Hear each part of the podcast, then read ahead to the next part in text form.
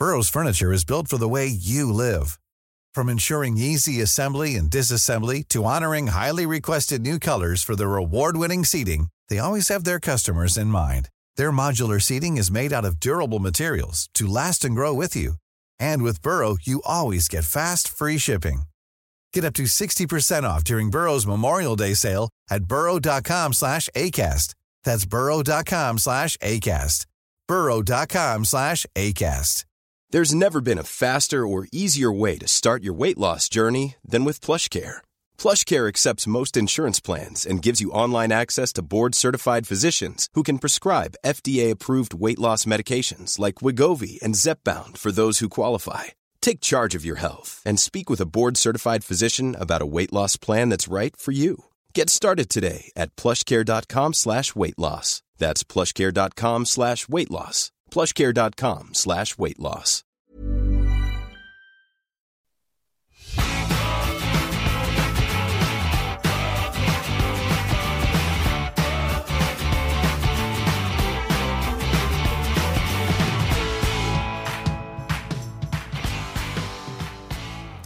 Torsken skal bli den nye laksen om torskeoppdretterne får det som de vil. Samtidig krever både Fiskarlaget og Naturvernforbundet stans. Noen snakker om distriktseventyr, andre om miljøkatastrofe. Hvordan skal vi forholde oss til at en ny næring vil ha sin bit av sjøen? Velkommen til debattspesial her i MAR. Vi har med oss to engasjerte mennesker som skal hjelpe oss å svare på spørsmålet. Den ene han er sjøl produksjonsdirektør i et selskap som driver med torskeoppdrett, nemlig Vesterålen havbruk. Han stiller til debatt som leder for det nasjonale nettverket for torskeoppdrett. Velkommen, Rune Eriksen. Takk for det. Den andre er Trude Nordahl, styremedlem i Naturvernforbundet i Ørsta og Volda. Hei til deg også. Hei, hei. Trude, du sitter på kontoret ditt i Volda, gjør ikke det? Hva skjer der, hva driver du med? Yeah. Jeg jobber som doktorgradsstipendiat her på Høgskolen i Volda. Og jeg tar doktorgrad i bærekraftdidaktikk, som handler om hvordan en skal undervise om bærekraftig utvikling for barn og unge. Flott. Barn og unge, eller Sunnmørspostens seere og lesere, kan vi også kanskje si. eh, Rune, du sitter langt der oppe i nord, gjør ikke det? Hvordan står det til? Stemmer det. Jo, står veldig bra til. Flott vær. og I går var vi så heldige å se sola igjen, så vi har ikke noe å klage på. Flott. Her er det grått, så det hjelper ikke om sola er her. Vi ser den ikke likevel. Um, vi starter med Naturvernforbundet, da. Um, dere har jo skrevet flere debattinnlegg hvor dere krever stans i nye konsesjoner til torskeoppdrett, faktisk. Dere har på en måte vært skeptiske hele veien, kan man si. Men spesielt etter at den største rømminga av oppdrettsfisk eh, i fjor da, i hele Norge skjedde i nettopp Volda. Og Da rømte 87 000 oppdrettstorsker ut i naturen fra Gadus Group sine merder. Eh, Gadus Group uh, ønska ikke å stille til debatt den gangen her uh, i MAR, men det har gått leserinnlegg fram og tilbake da, mellom Gadus Group og dere. Um, hvorfor reagerte dere så sterkt på, på den episoden der, egentlig? Ja, det var jo ei rømming med veldig stort antall torsk, som du sa 87 000. Uh, og det var jo det at det var jo ikke Gardus sjøl som oppdaga den rømminga, det var jo lokale fiskere som rapporterte om veldig store mengder torsk av lik størrelse i fjorda, fjorden. Og ja, vi hadde jo frykta at det skulle skje på forhånd. Og så skjedde det dessverre. Og problemet når oppdrettstorsk rømmer, er effektene på den ville torsken. At den oppdretta torsken kan pare seg med kysttorsk. Og påvirke genetikken til kysttorsken, sånn at den får dårligere mulighet for å overleve der den bor. Ja, og disse er fra en rapport fra Havforskningsinstituttet. Som de skrev en risikorapport om Ja, Vi kan komme litt mer tilbake til detaljer og sånn, kanskje etter hvert, ja. hvis vi får tid. Uh, vi må over til Eriksen. Uh, Uh, nå ble det plutselig etternavn her. Nå er det formell debatt, plutselig. I et intervju med meg da, i Sunnmørsposten nylig så sa du, Rune, at ingen er så opptatt av å finne ut hva som har skjedd rundt hendelsene med rømming, enn aktørene i næringa. Hvorfor sa du det?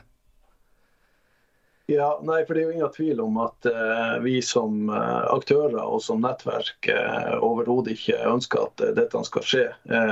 og det, Vi er jo helt enige om at antallet er altfor høyt. og i, i, forhold til tallene i fjor, da, som i utgangspunktet egentlig kunne være en, en, en positiv sak i forhold til den utviklinga som har vært med rømming på, på laks, da, så, så, blir dessverre fokuset at vi hadde den ene hendelsen som, som, gjorde at det ble et stort antall eh, eh, torsk av liten størrelse som, eh, som rømte. Ja, for du sikter nå til at, eh, at, det var mindre rømt oppdrettslaks i fjor? Det er det ja, du mener? Ja. Ja, ja. Mm. ja, det har jo vært en positiv utvikling der, selvfølgelig. Og dette er jo basert på den utviklinga som har gått over lang tid for oppdrettsnæringa generelt, da, med fokus på utstyr og eh, krav til, eh, til, til, det utstyret som brukes da, til oppdrett. Og Akvakulturdriftsforskriften skiller jo ikke mellom artene, så det er jo de samme strenge kravene som brukes um, uansett arter man, man, driver oppdrett på.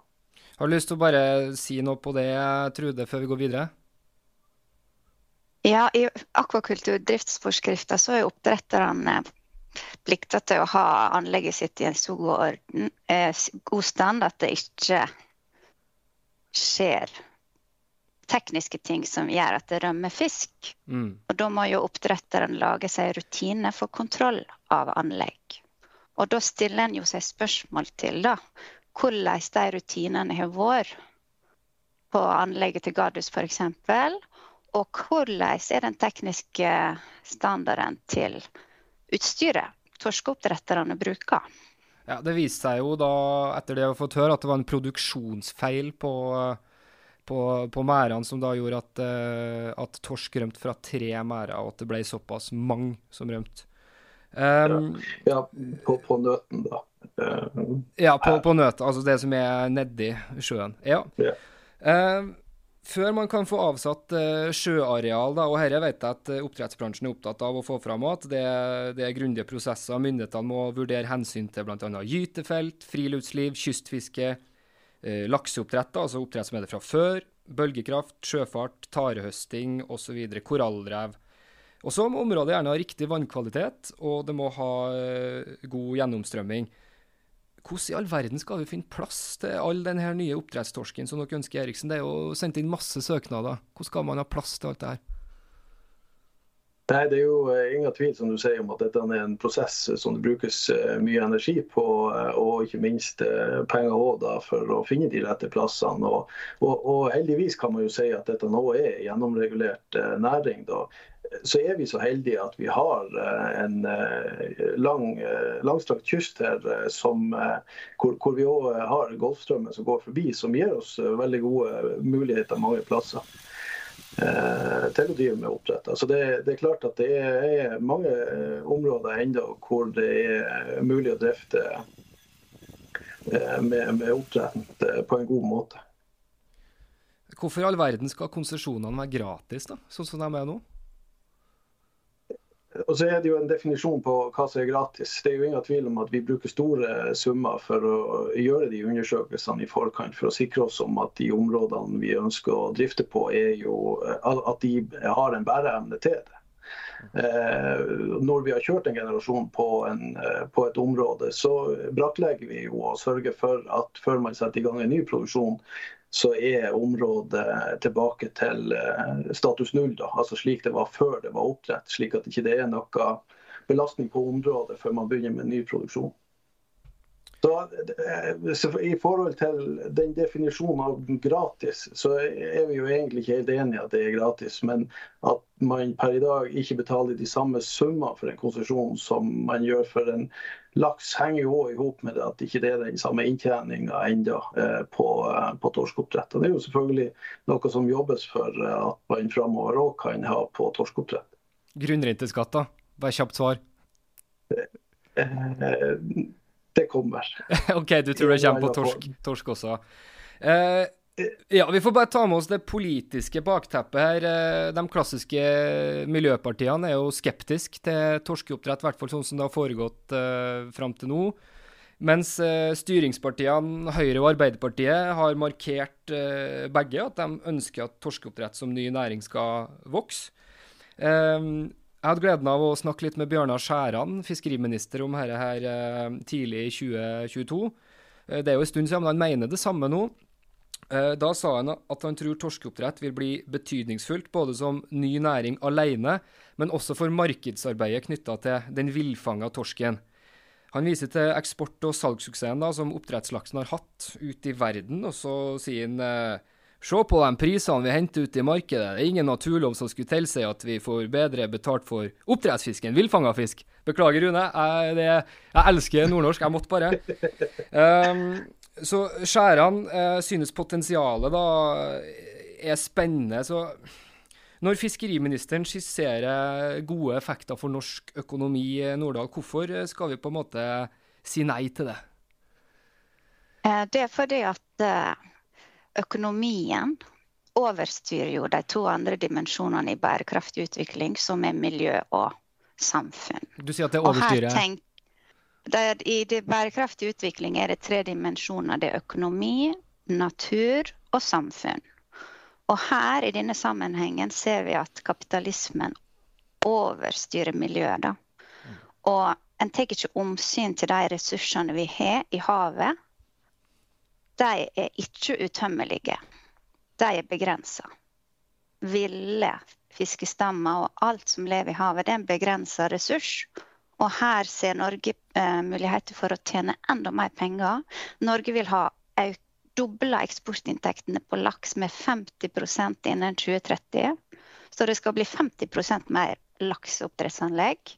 Og vi skal ha masse torskeoppdrettsanlegg. Og dette går på bekostning av økosystemer i havet. Og vi, her er det kortsiktig tankegang. Det er kortsiktig profitt som går utover framtidige generasjoner.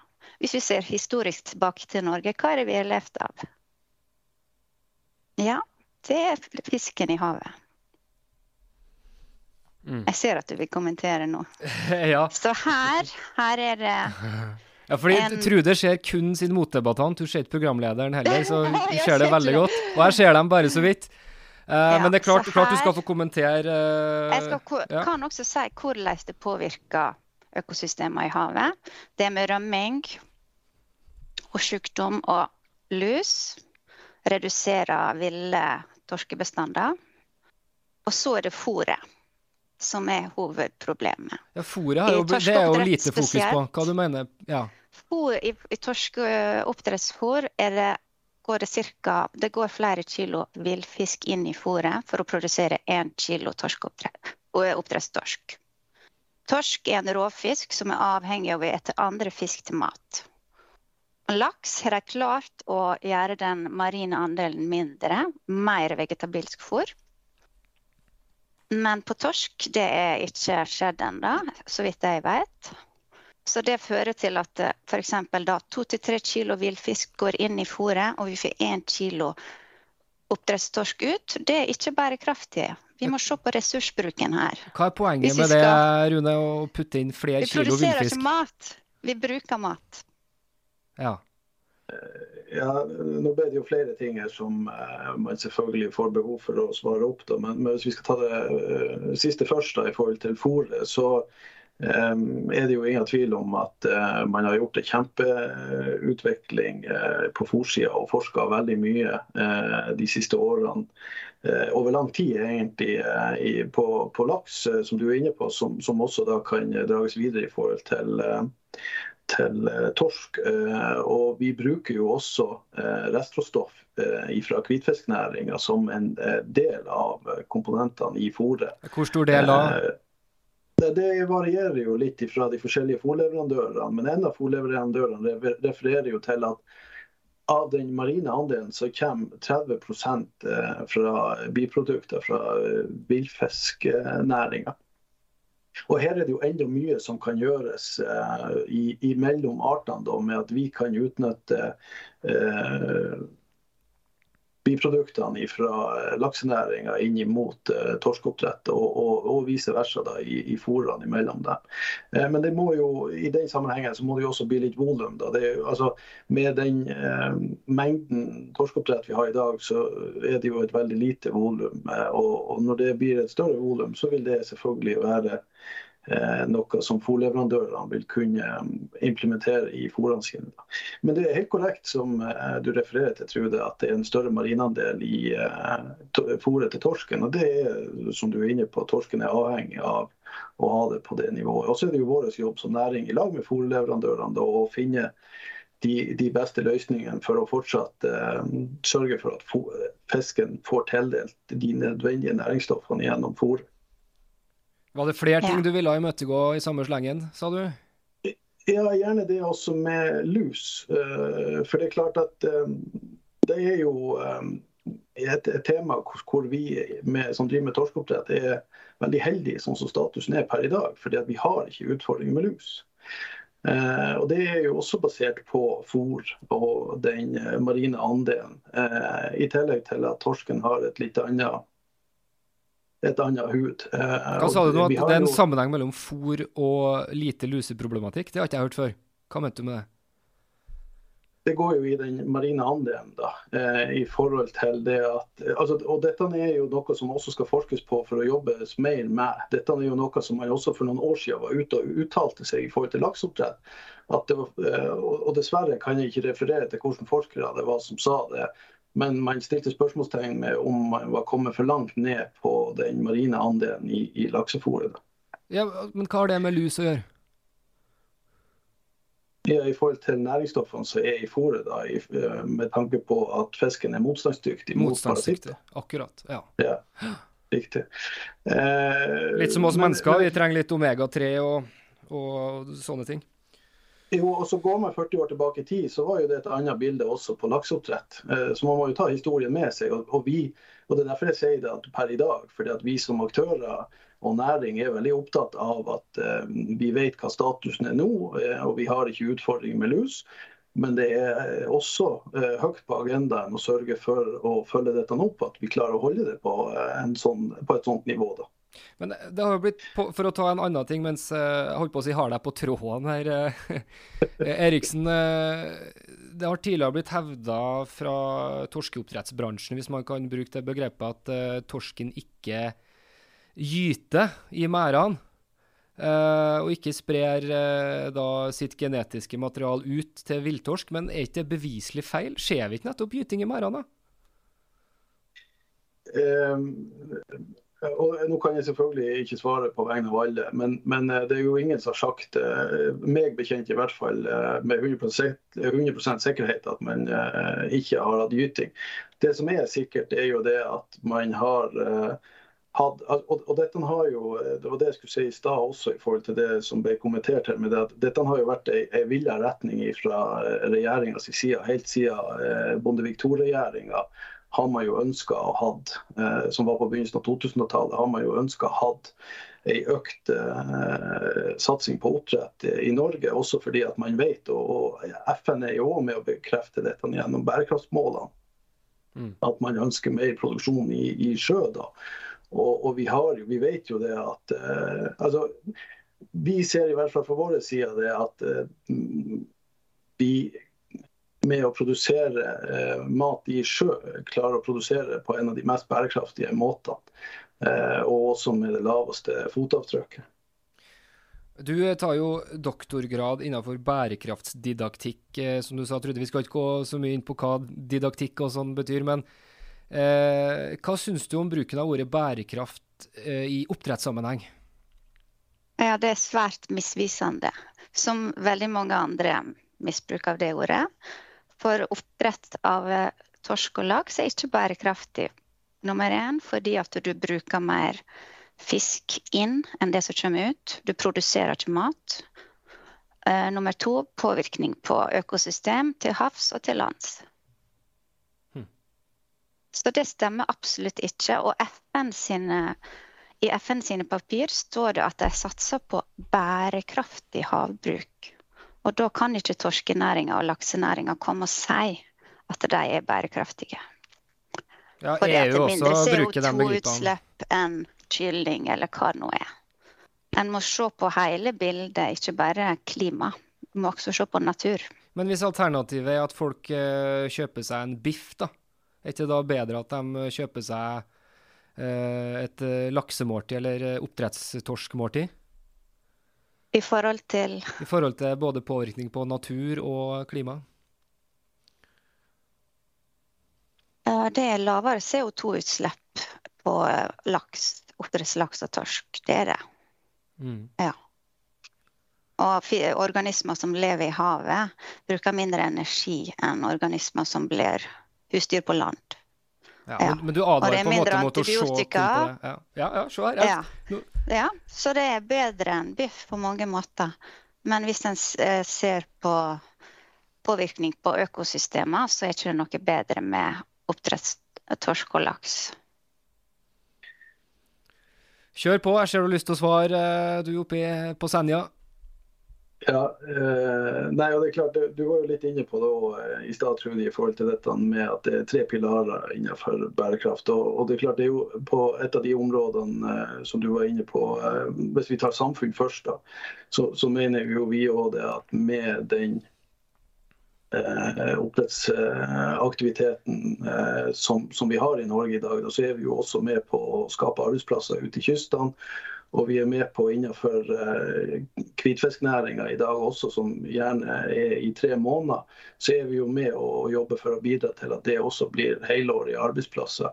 Eh, så, og, og det er jo slik at Noen ganger så ser man jo ting forskjellig, eh, og det er jo for så vidt greit det også. Men vi har jo allikevel eh, behov for å påpeke de elementene som vi mener er innenfor bærekraft. Og, og, og, og, og vi mener jo oppriktig at dette er bærekraft, også basert på den uh, uhilda forskninga som gjøres på uh, belastninga som oppdrett gir. Da.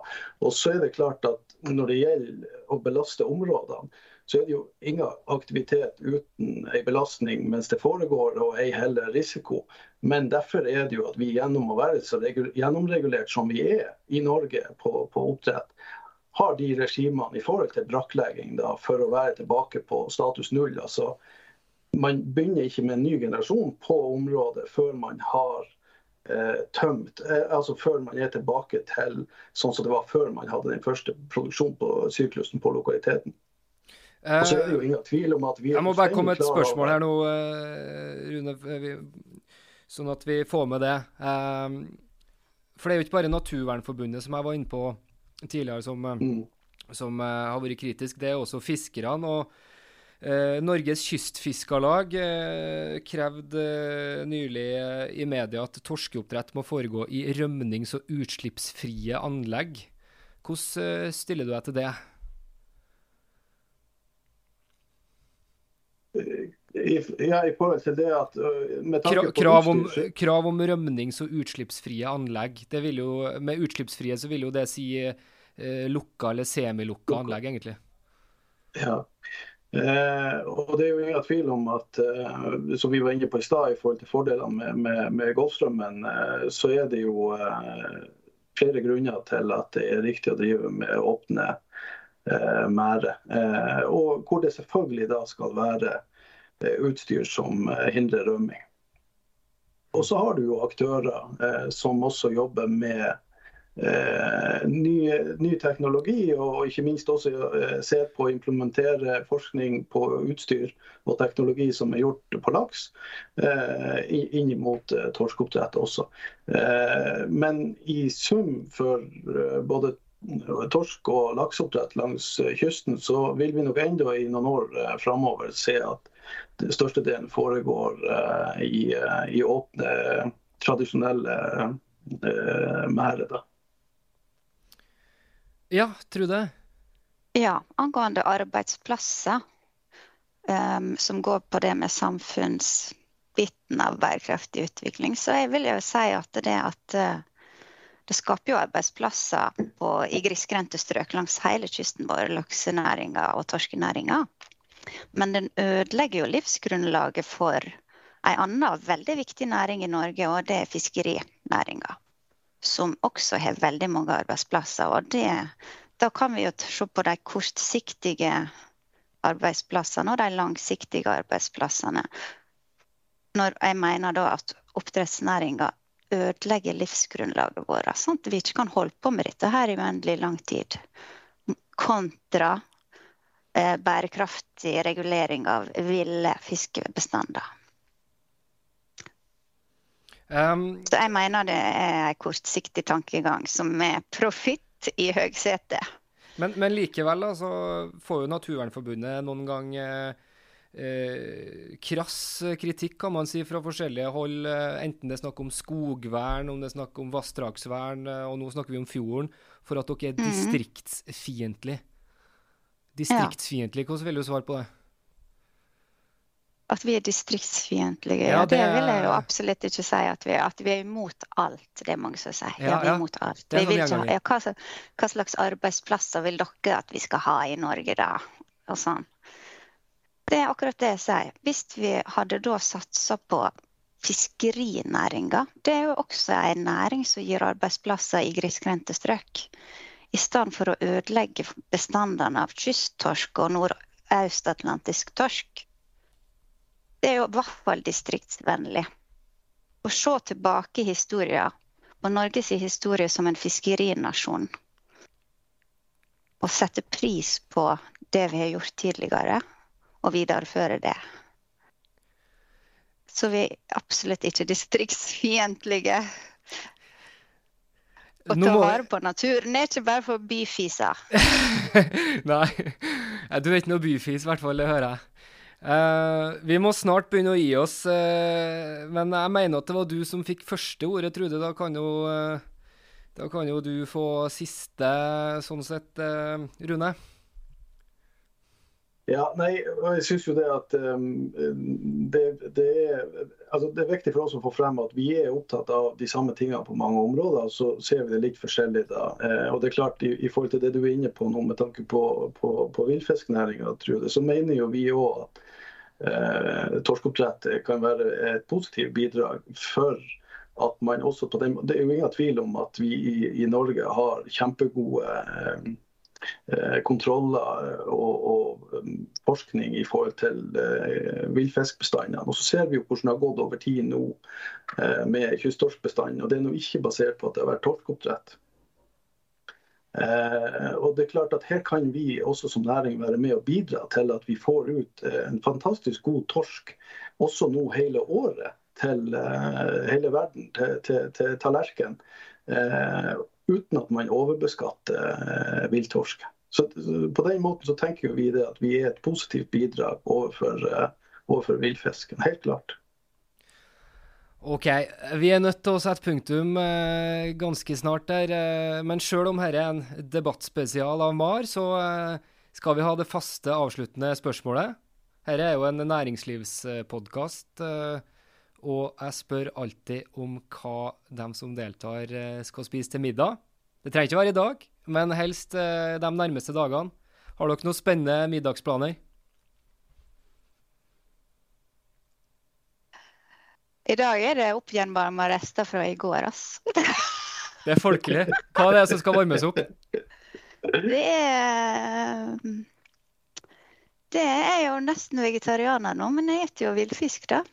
Så ja. det er fisk med litt sånn grønnsaker og couscous. Er det, oppdretts, er det oppdrettslaks, eller? Den var god. Den var god, så ler du bare. Hvilken fisk er det, da? uh, nei, uh, det er faktisk tunfisk, og den har jo litt dårlig rykte, den òg. Tunfisk, uh, oppvarma og diverse andre ting fra kjøleskapet. Enn du da, Rune? Eh, nei, jeg hadde fisk i går, for da hadde vi fiskeboller. Så i dag er det kylling. I dag er det kylling. Fiskeboller, hvilken mm. fisk? Vill? Tam? Ja, nei, vi har dessverre ikke klart å komme dit hen at vi leverer så store volum at vi lager fiskeboller. Så det er villfisk.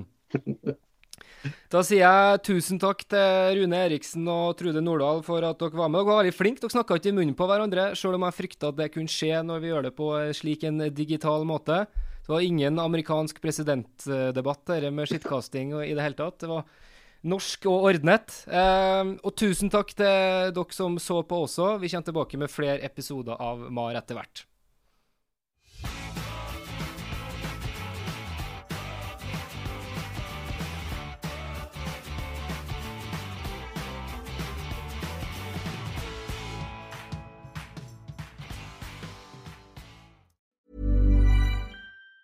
Planning for your next trip? Elevate your travel style with Quince. Quince has all the jet setting essentials you'll want for your next getaway, like European linen, premium luggage options, buttery soft Italian leather bags, and so much more. And it's all priced at 50 to 80% less than similar brands. Plus, Quince only works with factories that use safe and ethical manufacturing practices. Pack your bags with high-quality essentials you'll be wearing for vacations to come with Quince. Go to quince.com slash trip for free shipping and 365-day returns.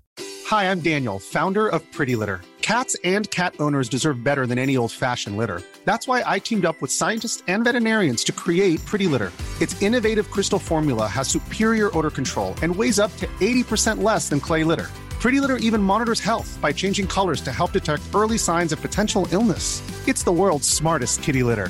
Go to prettylitter.com and use code ACAST for 20% off your first order and a free cat toy. Terms and conditions apply. See site for details.